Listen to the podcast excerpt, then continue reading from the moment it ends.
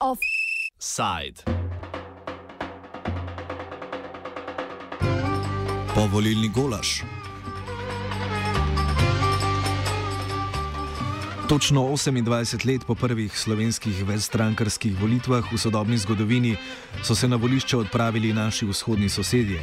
Mačari in mačarke so namreč v nedeljo izbirali člane parlamenta. Na volitvah je po neuradnih rezultatih slavila stranka Fides, ki jo vodi Viktor Orban v koaliciji s satelitsko stranko krščanskih demokratov.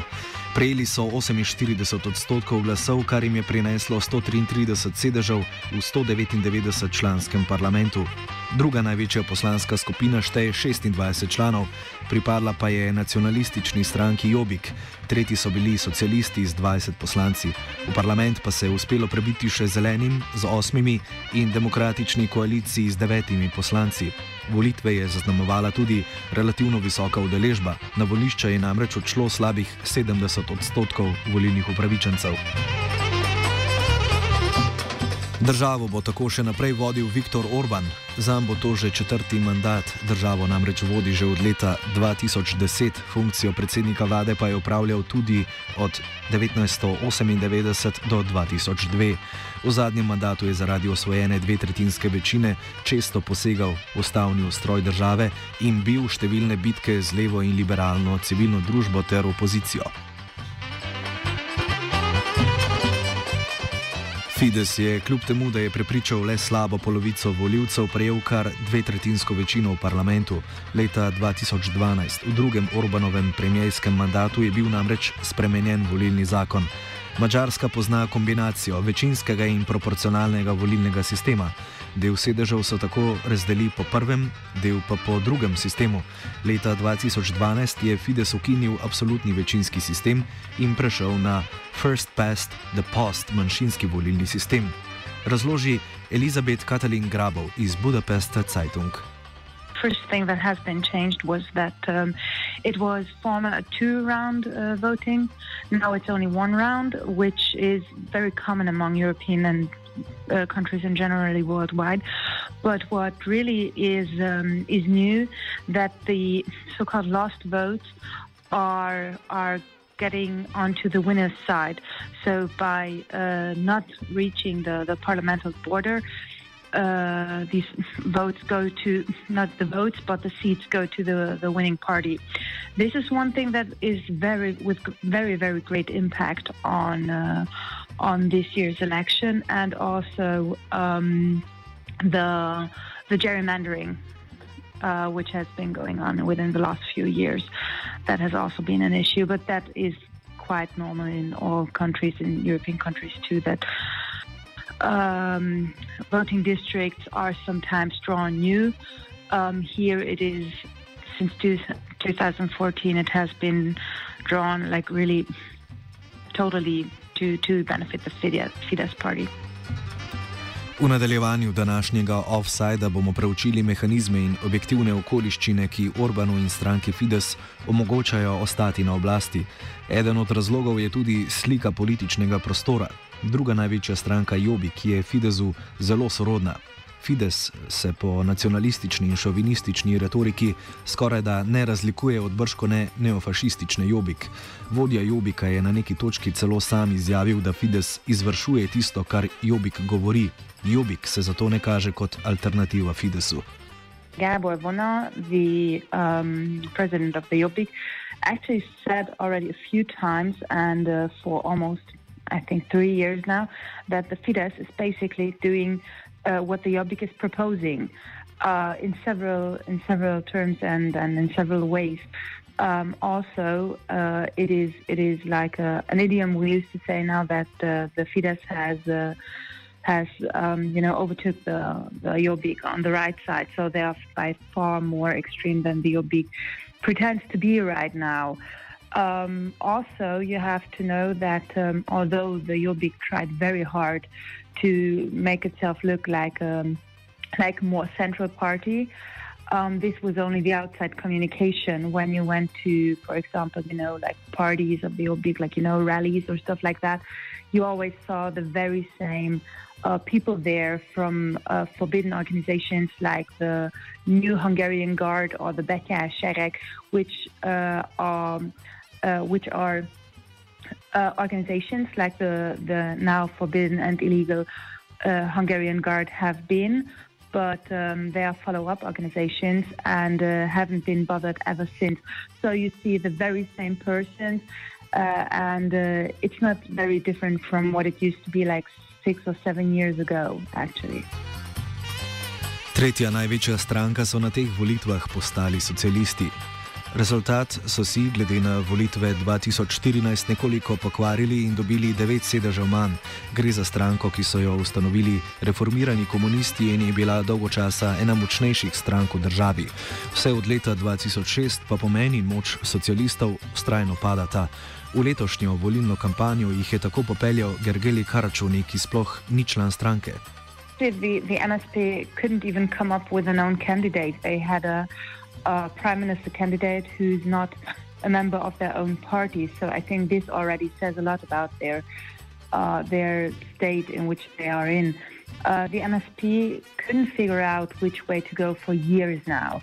They have like a very strong um, left wing, still they do, but also they have a more conservative wing, and also they try to figure out how to bring this all together. They they just, I think they're torn apart within the party very much. Uh, when you look at it, that the first candidate for the prime minister's uh, race this year or last year was um, uh, Laszlo Botka, and uh, the the mayor of Szeged and uh, he was actually well you know people people just liked him because Szeged is one of the one of the cities in Hungary which are doing very good so he could actually bring something to the table but the MSP did quite a good job in destabilizing him and actually make him step back and then they came up with Gergely Karácsony who is a member of a different party and the MSP is I don't know if, if they will recover from that. I honestly don't know. I don't think so. Zgodba socialistične stranke je pravzaprav zgodba razpada političnega prostora Mačarske, kot se je oblikoval skozi tranzicijo. Ta je potekala relativno mirno. Glavni politični sili tega časa sta bili desničarski Mačarski demokratični forum in socialistična stranka. V začetnih letih se je država spopadala z visoko zadolženostjo, pri čemer je bil recept enostaven deregulacija, liberalizacija in privatizacija, pojasnjuje sociologinja Nataša Sabo. What is very important to understand um, is that uh, the country opened its uh, its borders to foreign capital very soon. So it was a very very open economy in terms that it attracted a lot of uh, foreign direct investment from the 90s on, and uh, and also it liberalized uh, its its economy very very quickly. Uh, and uh, so the owners of capital basically uh, were partly the people who, were directors of these uh, socialist firms who became managers, but at the same time, generally, uh, capital that bought these firms was uh, was foreign owned. And um, at the same time, there were, of course, other processes happening after the regime change, which is also not very unique to Hungary, but to the whole post-socialist region like uh, the deindustrialization, uh, huge unemployment, uh, also agriculture suffering a lot because of the liberalization of trade, um, and of course the shrinking of the of the socialist uh, welfare state. Prvo vlado je sestavil Mačarski demokratični forum. Ta je do leta 1994 državi vladal že prej omenjeno tridelno formulo. Neoliberalni ukrepi pa so slabo vplivali na socialno sliko države. Volitve leta 1994 so zato dobili socialisti, ki so obljubljali več blaginje za vse, ne le za peščico. Obljub se niso držali in tako sta bili dve večji politični sili diskreditirani. V sliko vstopi Orban, stranko Fides. Slednji je po povratku iz Velike Britanije leta 1988, kjer je študiral kot Sorošev štipendist, so ustanovil takrat še liberalno-meščansko stranko Fides. Ta je s propadom Mačarskega demokratičnega foruma vse bolj pridobivala na moči. Well, Fidesz originated as a liberal party. Uh... in the 80s, which gave this classic liberal uh, critique. They were not very strong until until 49, but but around 49 they started to change and go towards the more right-wing, uh, like part of the political spectrum. And I think this was partly due, and and that's that's what what can also explain partly the success of Fidesz. So it was partly due to the fact that um, Hungarian Democratic Forum started to lose its electorate so basically, there was some kind of vacuum on the right while the social, socialists were, were in power. Um, and what is also important to understand, and that, that's why I was also talking about this constant, uh, how to say, tension between welfare and austerity, is that the socialist government was also pretty, was not a welfareist and was a very, very uh, pro austerity government. So, uh, for example, the biggest like shock therapy package uh, in the history of uh, post uh, post-transition Hungary uh, happened during uh, the socialist. It's called Bokros package, and uh, and so this is the period when Fidesz started to to shift towards the right and started to take basically partly the the political space of the Hungarian Democratic Forum. Po porazu socialistov na volitvah leta 1998 je vlado prvič sestavil Fides. Ta se je takrat že premikal proti desni, a še ni bil tako daleč kot danes. V svojem mandatu je Orban želel transformirati Mačarsko v sodobno zahodno liberalno demokracijo. Came to power in 98. It was a pretty middle classist bourgeois party which wanted to build some kind of bourgeois Hungary. Well, how successful they were, they were not so successful because they lost the next election in 2002. So apparently, I think this, this whole idea of the bourgeois Hungary didn't resonate so much with the people. So they lost uh, their second election, and uh, and that's when the socialists came to power again. And then in 2002, the socialist sector came to power by having very very uh, strong, uh, basically welfare promises. So what they said is that they will raise wages, they will raise welfare benefits, and that the, the, hunger, the country will become in general a lot more welfareist than it was before. Po koncu Orbanovega mandata leta 2002 so oblast ponovno prevzeli socialisti. Tokrat niso le obljubljali več blaginje, pač pa so jo vsaj v prvem mandatu, tudi dostavili, a ne brez težav. Socialistična stranka je bila konstantno na robu zloma. Dve leti po nastopu mandata je zaradi spora s koalicijskimi partnericami odstopil Peter Medžeši, njegov naslednik Ferenc Đurčani pa je po drugi zaporedni zmagi leta 2006 mačarsko javnost razburil z izjavo, da so ljudstvu lagali, da bi zmagali na volitvah. Tudi Đurčani mandata ni dokončal, odstopil je leto pred iztekom pooblastil in tako socialiste pripeljal še v večjo krizo. 2006, when they won the socialists won their second election, uh, what happened is that there was some a very very famous speech of uh, Prime Minister Gyurcsány Ferenc, uh, which was leaked, in which he said that we were lying to the country because the, the budget is actually in very very bad condition, so we need to to uh, make strong austerity measures. And I think this was basically this was when the failure of the Socialist Party started because they couldn't they couldn't keep their promises. And uh, also there were very very strong revolts in 2006 after this, and uh, after that, actually Gyurcsány Ferenc had to resign. Brez omembe vredne konkurentke in na desnici in z rasulo levice je Fides brez težav zmagal na volitvah leta 2010. Začel se je proces konsolidacije oblasti.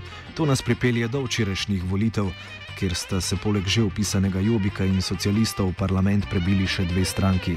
Gre za stranko zelenih z osmimi sedeži in demokratično koalicijo z devetimi sedeži, ki jo vodi bivši socialistični premijer Ferenc Đurčani.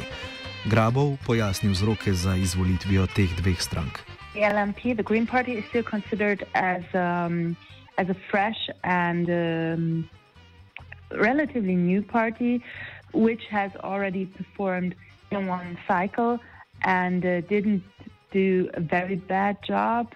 Um, also, Bernadette Szél, as only woman in the field, got. I, I guess she got a few votes for that. That she was the only woman. Uh, the DK, uh, the party of um, ex-Prime Minister Ferenc Gyurcsány, gained some votes uh, because Ferenc Gyurcsány is still one of the very few, very charismatic um, politicians in Hungary. And um, I think, although he very, very, a uh, lot of people would argue with him still being in politics is a good thing, but he is definitely a political actor which can't be uh, left out of, of the of, of the picture at this moment because um, he's one of the of the few people who um, he, he says different things. Like he was the one that was very pro-European, very liberal uh, in his statements, and I think that was gained him some votes, and also the um, the try to to do tactical voting, which didn't turn out as good as they thought it would be, obviously. But um, the both, like the, the DK, definitely got some plus votes from that. Poleg pogostih napadov na medije, nevladne organizacije, akademijo in krnitev pristojnosti sodstva, velja opozoriti še na nekaj mehanizmov, ki omogočajo Fidesu popolnoma dominirati mačarski politični in družbeni prostor. Orban namreč ne le napada in ruši levo liberalno civilno družbo, pač pa vzpostavlja svojo. Najboljši primer je gibanje občanskih krožkov, ki ga je zagnal po porazu na volitvah 2002. Nataša Sabo. It's very common to, when we think about civil society, to only think about the this left liberal part of it. But I think what's important to see in Hungary is that basically right-wing civil society is pretty strong. So and that's that's also part of if you think of how Fidesz built its hegemony. It's very important to think about the fact that after 2002, Orban launched this uh, so-called uh, civic circles, which were which were basically uh, small circles all around the country. There were like thousands of them, where people could gather together and could like there were cultural events there. They could talk about politics. They could um, they drink together. They eat together. Uh, uh, these were also church related in general. So I think uh, I think when we think of civil society, this this moment of launching this this uh, civic uh, circles was pretty important in in Fidesz's uh, rise to power. And uh, and still today they have their own like civic alliance, basically, which is organizing peace marches, where several thousand, maybe even one hundred thousand people gathered together. The last peace peace march was on uh, the 15th of March. Elizabet Katalin Grabov izpostavi tudi vlogo lokalnih medijev, ki so v lasti Fidesovih aparatčikov. Ti so pomembni predvsem v ruralnem okolju, ki ostaja močna Orbanova baza. Like on, in, in more rural areas and not cities and, and uh, uh, bigger villages, the Fidesz had an incredible high uh, reaching or outreach to, to people by uh, print media because more than 60% of the regional print media uh, is in Fidesz near hands. Also, the state media did not really an objective job in uh, or before the elections.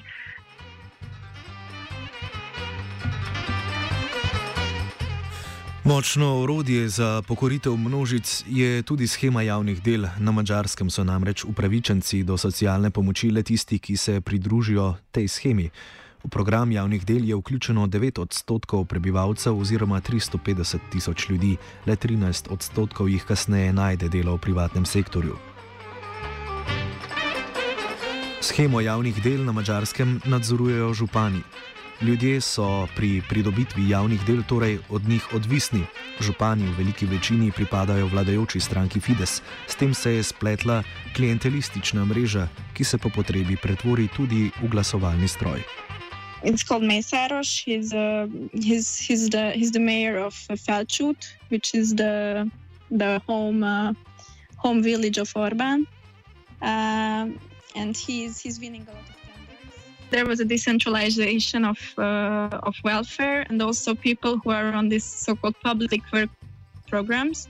Uh, because in Hungary right now, if you are unemployed, you need to participate in a public work program for which you receive some very very small amount of money per month, and that's when basically you can get unemployment benefits. So it's tied to to public work basically. And uh, these people who work in, in this kind of environments, they are very uh, they are very uh, controlled by local mayors, and basically they depend on local mayors very much. So through this decentralization, it somehow uh, is also building this kind of clientelistic welfare dependence networks uh, where people are like really, really, really dependent on on uh, some people locally and on some people to get their small benefits and small works. So I think uh, the way that they, they build these is also very particularistic of of how they consolidate their power because in the end that can be also a way to um, to make these people vote vote Fidesz because basically their their life, their work uh, depends on it. So.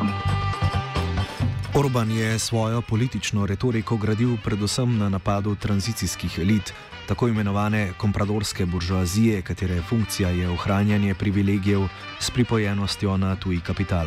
Nasprotno naj bi Orban gradil nacionalno, to je produktivno buržoazijo. Ta se v resnici namesto na tujih investicijah napaja na evropskih sredstvih, ki so pridobljena preko Fidesovega političnega vpliva. Nataša Sabo kot primer navaja Lorenca Mesaroša, župana Orbanovega rojstnega mesta, ki je poleg tega tudi lastnik največje mačarske medijske družbe, hotelske verige, banke in energetskih družb. Drugi primer je Orbanov zet Ištvan Tiborc, ki je z evropskimi sredstvi postavljal javno razsvetljavo po celotni Mačarski. Primer preizkuje tudi Evropska protikorupcijska komisija OLAF. it's called Mesaros. He's uh, he's he's the he's the mayor of Felchut, which is the the home uh, home village of Orban, um, and he's he's winning a lot of tenders through government. Uh, but uh, Mesaros Lorenz.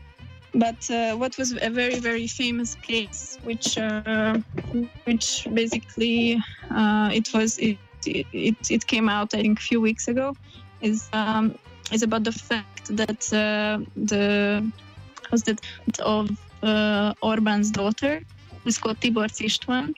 Uh, he's he's the he's the leader of an electric company, uh, which uh, which basically won all the tenders, EU tenders, to to put um, lights into into um, several uh, cities in Hungary. So basically, they were building the public plan of these cities. Uh, and they, they were the company who won all this EU money in order to build this public uh, light system. Orbanu so že čestitali iz Alternative za Nemčijo in francoske nacionalne fronte. Viktor pa se je po radiju oglasil svojim podanikom in napovedal, da bo prvi ukrep novega državnega zbora paket zakonov, ki bodo pomagali v boju proti Sorošu. Offside je pripravil Zupan. こちらはラジオストゥーデントです。